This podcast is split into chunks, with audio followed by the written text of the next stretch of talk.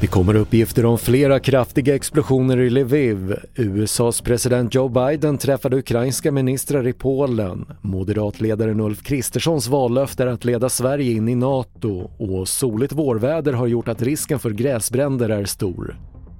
TV4-nyheterna börjar med kriget i Ukraina därifrån det kommer uppgifter om flera explosioner nära staden Lviv. Internationella medier rapporterar om kraftig rökutveckling men det är oklart vad målet var. Många flyktingar har kommit till Lviv som ligger nära den polska gränsen för att söka skydd eftersom staden hittills inte drabbats av några stora ryska attacker. USAs president Joe Biden träffade idag medlemmar i Ukrainas regering när hans egna utrikes och försvarsministrar höll ett möte med sina ukrainska motsvarigheter i Polen.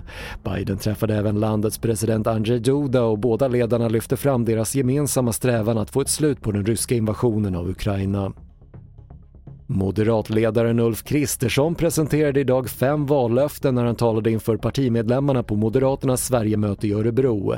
Kristerssons första löfte var att Sverige ska bli NATO-medlem om han blir statsminister. Mitt första vallöfte är alltså att leda Sverige in i NATO. Det andra vallöftet är att rusta upp det svenska försvaret. För utan ett starkt försvar, ingen självständighet. Och efter ett par veckor med soligt vårväder är risken för gräsbränder stor i hela Götaland och nästan hela Svealand.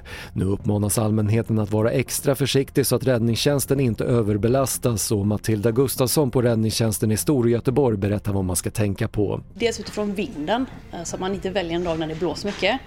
Och så gäller det ju att placera branden så att den, eller elden så att den inte kan sprida sig så att man inte har någonting brandfarligt i närheten.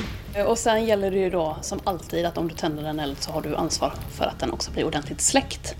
Eh, så det gäller ju att hela tiden ha uppsikt över elden och det gäller att ha tillgång till släckutrustning. Fler nyheter hittar du på tv4.se. Jag heter Patrik Lindström.